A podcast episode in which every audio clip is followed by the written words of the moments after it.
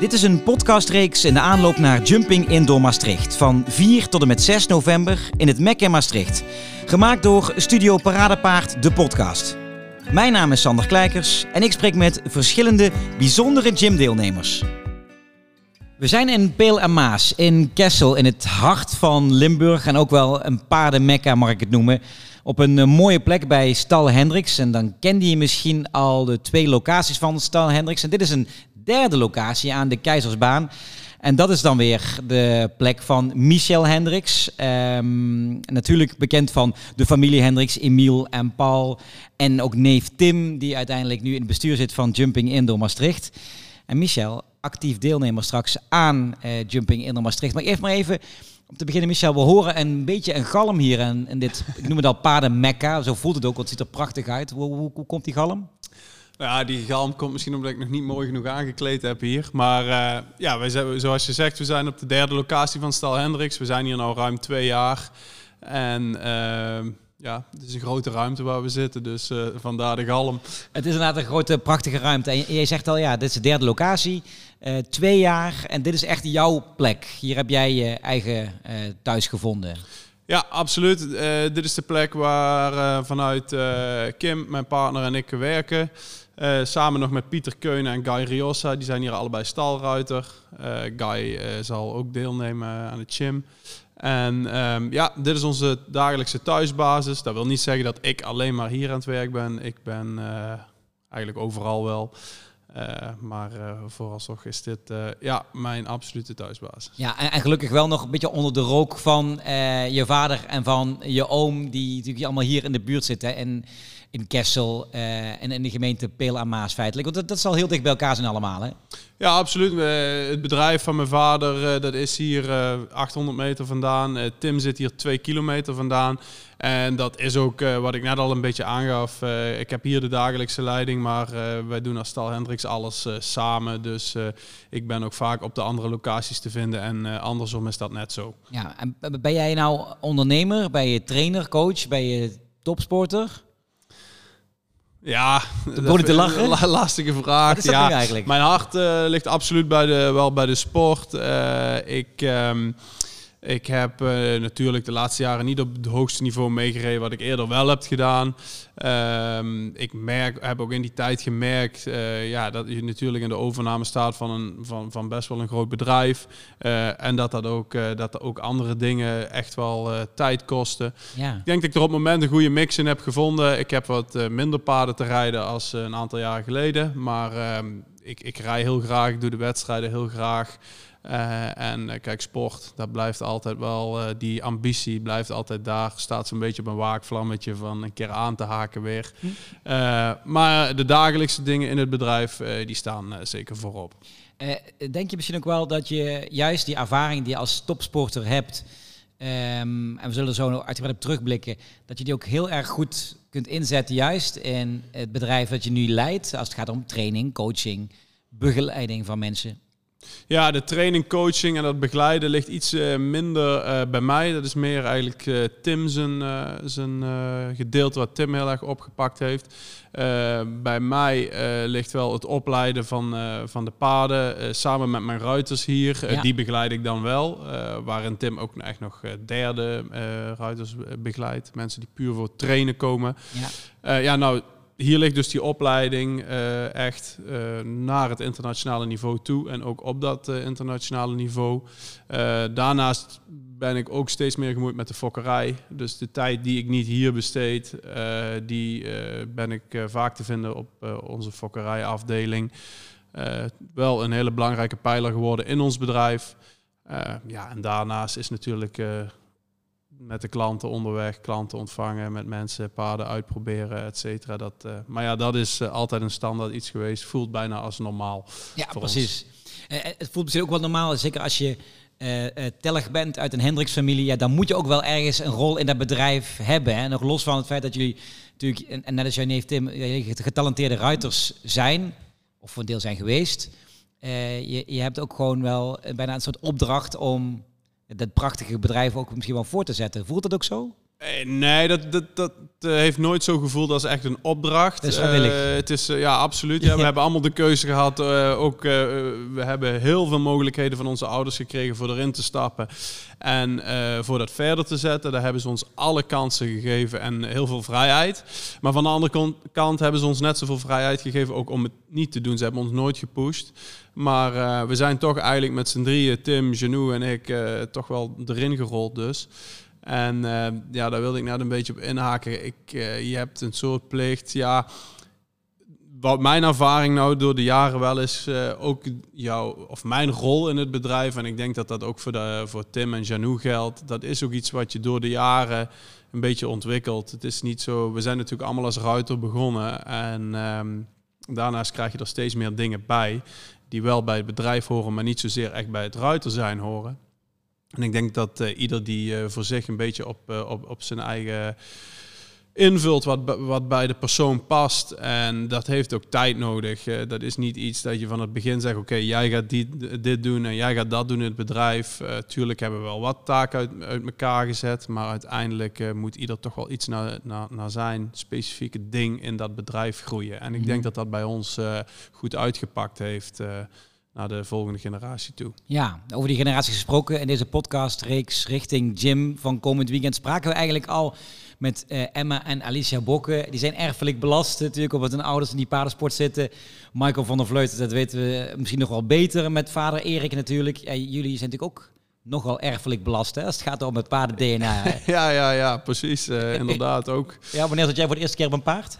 Nou, niet zo heel vroeg. Ik heb een tijdje wat op de manege gereden. Toen was ik nog redelijk jong. Eh, maar toen ook een aantal jaren helemaal geen interesse gehad. En ik denk dat ik een jaar of 12 was, 11, 12, dat het eigenlijk pas eh, begon met ponyrijden. Ja, dan was dat heel serieus. Nou, nee.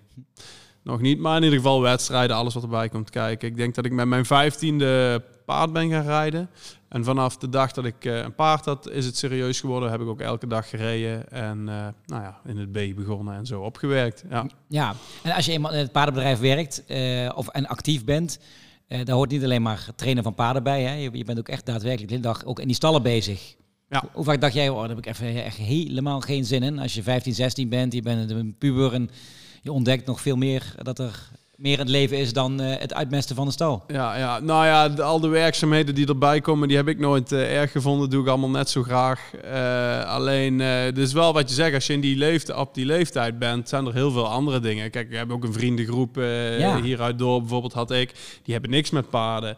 En eh, ja, dan ging ik wel eens zaterdag niet mee op stap, op vrijdag niet mee op stap, omdat we dan die wedstrijd hadden en ik dat toch niet allebei wilde. Of mocht misschien wel, eh, dat kan ik me ook niet meer helemaal herinneren. Heb je Ja, en, en, dan, en dan is dat toch wel af en toe lastig. Er zijn er een aantal die pakken dat heel goed op, die vinden dat heel leuk, die gaan een keer mee zelfs. En anderen die zeggen zo'n beetje van, ja, hey, je gaat eh, niet meer met ons op stap en dan neem een beetje afstand. Mhm. Je merkt wel, als je dan weer een aantal jaren verder bent, dan is dat ook helemaal geen thema meer, en geen issue meer. Dan komt dat toch wel allemaal een beetje meer samen, ja. Ja.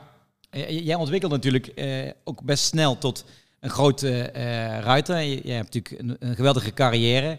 Ik, soms wil ik bijna zeggen gehad.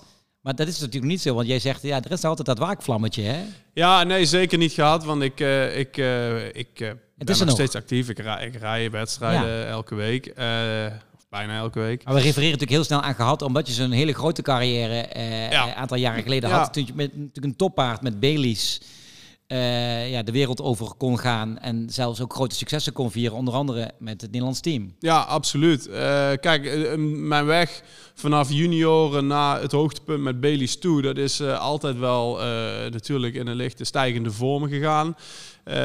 Na mijn, jong, ik had een succesvolle jong rider periode, daarna senior geworden. Die was ook succesvol met mijn eerste paarden bij de senioren. Eh, meteen het Nederlands kampioenschap was goed. Nou, toen heb ik een aantal goede paarden gehad. Waaronder mijn eerste landenwedstrijden bij de senioren gereden. Nou, een aantal jaar later kwam Baileys. Nou, dat was nog een extra stap weer. Ja, Eh, alle grote wedstrijden mogen rijden eh, die er zijn. En ehm, ja, na, na Baileys eigenlijk een beetje de, de aansluiting verloren. Op, op dat, als je over dat niveau praat. Ehm nou wel met een aantal paden dat, dat tegenaan gehikt. Uh, op een gegeven moment uh, zijn die ook verkocht. Nou, toen ook bewuste stap terug gedaan en uh, proberen van onderuit weer wat op te bouwen. Um, in die tijd, ja, dat ging wel gelijk met een deel van overname van het bedrijf. Ook met plannen voor dit te bouwen. Ja, dan komen er ook weer andere dingen op je pad. En dan is dat combineren misschien bepaalde momenten nog wel, momenten nog wel lastiger. Uh, dus vandaar uh, dat ik zeg van uh, ja, ik, ik hoop die aansluiting nog wel weer een keer te kunnen vinden. Kunnen vinden ja. ja. Want het is natuurlijk ook voor een groot deel ook afhankelijk van, en dat zeiden eerder de eerdere podcasts van de Vleuten en Bokken ook, met het materiaal dat je gewoon natuurlijk ter beschikking hebt. Je kunt natuurlijk een super talentvolle ruiter zijn en, en zwaar erfelijk belast met een paarden-DNA. Maar ja, het paard moet natuurlijk ook de, volop de, op, die, op dat topniveau mee kunnen. Absoluut. Uh, je moet een paard hebben met die talenten die op dat uh, niveau mee kan. En dan uh, nog moet de combinatie, de klik met ruiter en paard er ook zijn. Ja. Voor dat succes op dat niveau te hebben. En ja, dat, dat, dat, is gewoon niet met zeldzaam. Paard. Dat is, ja, dat, op dat hoogste niveau is dat zeldzaam. Ja. Mm -hmm. ja. Uh, dus op het moment dat uh, dat wegviel, want waarom viel het ook alweer weg voor de mensen die het niet hebben gevolgd? Nou ja, Baileys raakte op een gegeven moment uh, geblesseerd. Mm -hmm. En daar hebben we nou een lange tijd eigenlijk zijn reco recovery gehad. Uiteindelijk heb ik hem nog een aantal wedstrijden meegenomen. Maar ik had niet meer het gevoel dat ik het paard had wat ik voor de tijd had. En dat hij dat niveau nog zou kunnen aantikken. Ja. Nou, toen vond ik het voor hem, na alles wat hij voor mij betekend had, vond ik het niet nodig om, om wedstrijden op een lager niveau te doen voor hem. Want dan hoort hij niet. Ja, de, dat, hij, ging, hij ging gruwelijk graag mee op wedstrijd, maar ik vond niet dat hij dat nog uh, moest doen. Dus toen hebben we hem uh, zijn uh, pensioen gegeven en hij loopt hier achter nog in de bij. Dus ik, ik ga, loop er nog bijna elke dag even naartoe. Maar, ja, maar wat, welke relatie heb je? Die heb je natuurlijk dan met, met zo'n toppaard. en zeker als je het pensioen gunt, zoals je het mooi zegt, dat is echt heel, dat, dat straalt veel liefde en warmte uit. En als je naar deze wij kijkt, en wij kijken erop uit, dan zou ik mezelf ook zijn pensioen gunnen. Ja. uh, welke, welke liefde heb jij nog uh, dan uh, voor, voor Baileys? Ja, nou, je, je, ziet hem natuurlijk hier. Ik zie hem elke dag. En er zijn zeker momenten dat, je, dat, dat, die, dat je nog een keer terugdenkt aan die tijd en de successen die je hebt gehad. En ik waardeer enorm wat hij voor mij betekend heeft. Want het heeft voor mijn carrière heeft hij natuurlijk heel veel betekend. en ja, ik kan toch zeggen dat we bepaalde prestaties uh, behaald hebben, maar ook op uh, grote wedstrijden geweest zijn waar niet iedereen komt. Zeker. Nou, dat heb ik toch allemaal aan hem te danken. Moet een paard ook aftrainen eigenlijk, op het moment dat je allebei op hoog topniveau hebt uh, gepresteerd? Nou ja, wat voor hem, hij was natuurlijk al uh, een stuk uh, afgetraind. Ik heb hem daarna nog uh, een tijdje wat doorgereden, wel. maar niet meer op wedstrijd. Ja. En op een gegeven moment is hij gewoon op de wijk gaan. Maar ja, ik denk wel dat dat, dat dat wel goed is voor een paard. Ja, dat het belangrijk ook is dat je wel iets afschaalt. ja, om niet die sprong te groot te laten nee. zijn tussen. Af en toe kan het ook niet anders. Kijk, als het door middel van een heel ernstige blessure is, ja, ja dan, is het, dan is het meteen natuurlijk klaar, zo, zo gezegd. Maar nee, bij Baileys was wel de mogelijkheid voor dat uh, rustig aan te doen. Hoe moeilijk was het toen voor jou eigenlijk om uh, ook weer even te wennen dan aan het feit, oké, ik kan niet meer op dat absolute topniveau nu tijdelijk mee en je bent afhankelijk van het materiaal. Dan komt ook uh, deze prachtige locatie in zicht, om dan ook die keuze te maken van ja, um, ik ga daar ook voor. Ja, dat, dat is best lastig. Uh, tenminste, voor mij was dat ook wel best lastig. Want kijk, de plannen hier waren natuurlijk ook uh, voor gedeelte gemaakt in die periode van succes. En uh, ja, dat krijgt, dat krijgt een keerzijde. Dus ga je over alle dingen ga je wel anders, anders nadenken. Dus ja, op zich um, denk ik wel, uiteindelijk moet je wel een beetje nuchter zijn. Mm -hmm. uh, je kunt wel uh, proberen blijven te aanhaken met materiaal wat het eigenlijk niet kan. En van week op week naar concoursen rijden, waar je eigenlijk misschien over je kunnen gaat of over de kunnen van het paard gaat. Maar ja, uiteindelijk is dat voor je prestaties, maar voor je paard en voor jezelf ook niet beter. Dus ik denk, uh, je moet realistisch zijn. Je moet een stap terug durven te zetten en dat ook niet erg vinden als dat niet anders is.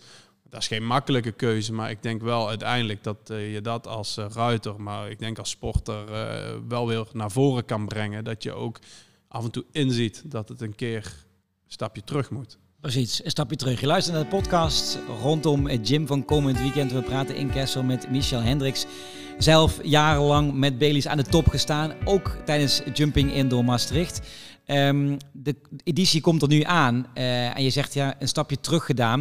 Dit is natuurlijk een vier sterren evenement met uiteindelijk ambitie om weer richting vijf sterren te gaan. Maar met verschillende rubrieken, uh, waarbij iedereen toch ook aan zijn of haar trekken kan komen. Ja. Is dit dan ook nog een toernooi waarop jij dan ehm, actief kunt zijn? Ja, zeker. Uh, ik, normaal gesproken ga ik met twee paarden naar gym. Um, daar zal ik één paard bij hebben voor de lichte tour, voor de medium tour. En mijn andere paard, Hendrix, uh, die ook bij ons geboren is, die uh, zal normaal de kwalificaties voor de grote prijs uh, lopen. Of wij dan uiteindelijk die grote prijs rijden, dat is nu nog wat te vroeg voor dat te zeggen. het komt een beetje op de kwalificaties aan en hoe hij zich dat doet. Hij heeft een heel goed buitenseizoen gehad.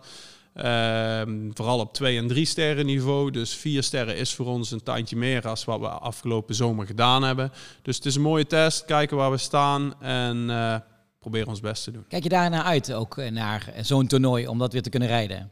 Ja, absoluut. Kijk, Jim is uh, voor ons, uh, ja, ik kan me herinneren, van jongs af aan zijn wij gegaan. Uh, toen ik klein was, toen ik nog eigenlijk helemaal niks met paarden had, gingen we naar Jim. Dat was het hoogtepunt van het jaar voor ons. een enorme beleving.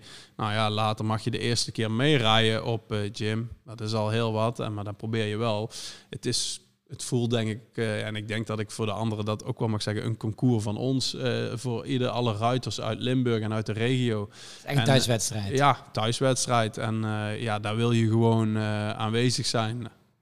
Want is dat voor jullie ook nu, zeker ook als familie Hendricks, een mooie plek ook als visitekaartje? Want het is natuurlijk een prachtig concours voor de sport. Maar ik kan me ook voorstellen, zakelijk is het ook een een, eh, een fijn event om bij aanwezig te kunnen zijn. Ja, absoluut. Het gym heeft natuurlijk heel veel uitstraling. Het, dat trekt uh, mensen uit heel de wereld uh, qua sportniveau, maar ook qua de hele ambiance die ze daar hebben. En voor ons als Stal Hendricks is het natuurlijk ook belangrijk voor mensen te treffen daar. Ja, ja dat, dat is zeker belangrijk. Um, wat is jouw mooiste herinnering als je terugdenkt aan je beste gymjaren? Daar moeten de jaren natuurlijk naar Bailey's zijn geweest. Ja, zeker. Uh, met Baileys een uh, keer uh, ook uh, foutloos geweest. Eerste omloop van de grote prijs. Ik weet eigenlijk niet, niet meer precies wat we toen eindigden. Maar de, de, de barrage was niet zo best. Dat we, of niet zo best. Ik denk dat ik één of twee fouten in de barrage had. Maar wel, ja, top herinnering. Maar er is niet even, voor mij niet specifiek één herinnering aan Jim. Maar het is gewoon elk jaar weer opnieuw. en ook alle voorbijgaande jaren is een een, een, een super mooie herinnering op zich. Ja. Als je nu zegt, oké, ik ga er nu naartoe, ik neem uh, twee paarden mee. En uh, misschien, hè, dat is een waakvlammetje, uh, kun je weer terugkeren op dat, dat de topniveau. Hoeveel tijd kost dat eigenlijk? En heb je dat op dit moment wel in zicht? Is er perspectief? Um, dat is zeker perspectief. ik heb een groep goede paarden, een paar jonge paarden die eraan zitten te komen dat, is, dat duurt nog een aantal jaar voor die eventueel dat niveau aan uh, kunnen. Maar ja, dingen kunnen ook heel snel anders gaan. Ik, uh, Baileys, uh, als we het dan toch heel tijd over hem hebben, dan... Het, Hoeft niet hoor, maar nee, dat is, nee, maar dat is... herinnert je daar Ja, ja, tuurlijk. Dat is een goed voorbeeld. Ik, uh, ik kreeg Baileys te rijden, boah, ik durf even niet meer te zeggen. Ik denk dat het in de herfst was. Ja, weet ik niet precies. Maar in ieder geval, Jumping Amsterdam is altijd begin januari. Uh, dus uh, dat, zit, dat is een half jaar. En daar reden we voor het eerst de, de, zware proef op zaterdagavond. Dus het kan in een half jaar ook heel snel gaan als je dat paard vindt. En de goede match hebt die dat niveau aan kan. En ook de leeftijd had hij toen al. Maar hoe lang moet je met elkaar samenwerken om juist die goede match te maken? Ja, het is heel verschillend. Dat is heel verschillend. Ik moet altijd terugdenken aan Jeroen Dubbeldam met het verhaal van de Schiem. Dat heeft jaren geduurd. Uh, en opeens was het daar. En uh, het kan ook heel snel gaan. Uh, wat ik net zeg, binnen een half jaar uh, waren wij, hadden wij het hoogste niveau, of het hoogste niveau in ieder geval, ja. een hoog niveau aangetikt. En ja. En kun je, kun je proberen te beschrijven wat dat is? dat je tot een unieke combinatie maakt en wanneer je voelt van wow, hier zit echt iets speciaals in. Ja, dat, dat, dat gevoel is natuurlijk... Kijk, je rijdt heel veel paarden en ik denk dat veel ruiters dat hebben. En uh, dat, daar, ik denk bij elk paard voel je wel een bepaald talent en een bepaald dingen die, uh, wat een paard kan en welke prestaties uh, je daarmee um, mee rijdt, dat dat, dat dat goed is. Maar je hebt bij een bepaald aantal paarden, en dat is, dat is niet vaak, heb je een speciaal gevoel, denk je van, dit, dit kon mij wel eens als ruiter uh, een stuk verder brengen of veranderen. En waar je ook echt prestaties mee neer kan zetten. wat die, voel je dan? Ja, wat voel je dan? Ja, dat die makkelijk meteen meegaat in de, in de sturing die jij geeft? Ja, de sturing, maar uh, eigenlijk vooral het overzicht en het, en het gemak waarop die, die parcoursen aflegt op dat hoge niveau. Ja. Ik denk dat dat, uh, ja, dat gevoel was voor mij tenminste met een aantal paarden heel bepalend. Ja. Omdat natuurlijk, uh, en, en je verkoopt natuurlijk zelf ook veel paarden als bedrijf. niet ieder paard past natuurlijk iedere ruiter. ik kan een, een ander type ruiter zijn, ben geen ruiter, maar ik kan, en waar, waarbij jouw paard mij totaal niet zou kunnen passen, toch? Ja, nee, precies. Ik denk dat Michael van der Vleuten is bijvoorbeeld, uh, ja, is natuurlijk een eh, fenomeen als ruiter, maar is ook een heel, eh, heeft vaak heel andere type paarden als ik in het verleden gehad heb. Ja. Dus uh, ja, dat is zeker zo. Maar hoe probeer je een match te maken als, als klanten bij jullie komen die zeggen, oké, ik wil rijden en het is niet eens voor het 4, 5 sterren niveau. Een goede amateur, hoe, hoe, probeer jij dat te matchen eigenlijk? Nou ja, belangrijk is natuurlijk wel uh, dat je je klant goed kent. En uh, oké, als je een, een, langere relatie hebt, is dat uh, makkelijker. Want dan ken je je klant en je, je heeft misschien al in het verleden een paard van ons gehad. En je weet of dat goed is gegaan of niet zo. wat dan eventueel beter zou kunnen. Wat, wat de klant liever heeft om mee te rijden. Kijk, je hebt paarden met iets minder bloed, met veel bloed. Um, nou, als je een nieuwe klant treft, is het belangrijk denk dat je je goed inleest een beetje in die mensen en dat je ook kijkt wat hun in het verleden hebben eh, gereden al, wat voor wedstrijd of uh, wat voor parcoursen, uh, met wat voor type paden. Ook goed luistert naar de trainer die erbij is, want wij werken toch vaak ook met een trainer als tussenpersoon daar. en die, al die informatie moet je goed tot je nemen, uh, wil je zo'n uh, best mogelijke match uh, vormen. En ja. ja. ik denk dat dat wel een, een, ook wel in het verleden van mijn vader en van mijn oom een kwaliteit is geweest, die altijd echt proberen een gevoel voor hebben gehad voor die juiste match vaak te vinden. En hoe lang monitor je dat toch daarna, dat je het gevoel hebt van we hebben echt de juiste combinatie kunnen vinden? Ja, nou daar blijf je zeker wel wat uh, monitoren, want je wilt natuurlijk dat het goed gaat. Uh, en uh, nou, social media heeft dat natuurlijk een stuk makkelijker gemaakt. Je kunt blijven volgen. We kunnen veel blijven volgen. En dat vinden wij ook belangrijk voor dat te blijven doen. Ja, dus toevallig gisteren was een paard wat ik ook nog in Maastricht, denk ik, ook nog wel grote prijs misschien heb gereden. Die hebben we twee jaar geleden verkocht. Nou, die was gisteren in Marokko in de landenwedstrijd. Een dubbel nul ronde. Uh, met een meisje die nog uh, jongrijder is. En dat was haar eerste landenwedstrijd voor senioren. Daar waren maar twee dubbel, uh, dubbel foutloos over die hele landenwedstrijd. Dus ja, dat, dat, was natuurlijk goed. Maar dat blijven we dan ook wel volgen. En dat is ook wel mooi dat je dan successen dan terugziet. En als leek zou ik dan zeggen, wat jammer dat ik dat paard dat niet gehouden heb. Want dat had ik ook kunnen staan. ja, ja, ja, inderdaad, inderdaad. Denk je dat wel eens? Dat, is ook, ja, dat is ook het dubbel gevoel en dat zal, en dat zal ook wel uh, zo blijven. Um, maar ja, het, dat, ja, dat, dat, de, de eeuwige balans. De eeuwige balans die je vraagt, die krijgen we heel vaak. Tim in het verleden en ik ook. En uh, ja, we zijn ook een beetje zo opgegroeid, dus we weten daar wel een plek te vinden. Maar dat is de balans tussen dus voor die sport kiezen en voor die handel ja, dat, uh, dat, dat is keuzes maken. Ja, we spraken in deze podcastreeks ook met Michael van der Vleuten, ook generatiegenoot ook van jou, die natuurlijk nog altijd juist heel erg veel juist met die topsport bezig is. En het bedrijf ligt daar nog wat meer bij zijn broertje en, en zijn vader. Maar die reist natuurlijk nog de hele wereld over. Um, mis jij dat eigenlijk? Dat je iedere week een beetje dat wedstrijdelement voelt en dat je de wereld over moet? Um, nee, op het moment niet. Uh, ik ben ook iemand die op zich graag thuis is. Uh, toen in de tijd dat ik dat wel veel gedaan heb, ging dat mij ook makkelijk af. Dus niet dat dat, dat moeilijk is. Dus ik denk, ik, het heeft ook te maken met de successen waar je op dat moment in zit en de flow waar je in zit.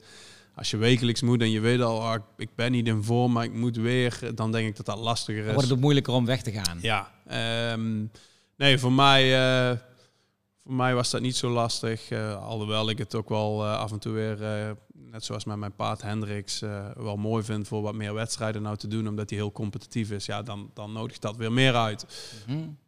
Als je het hebt over dromen, um, en je zegt ja, er is een waakvlammetje enerzijds.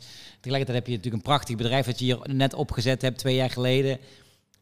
waar sta je over tien jaar? Denk je er wel eens bij na? Heb je daar een lange termijn gedachten?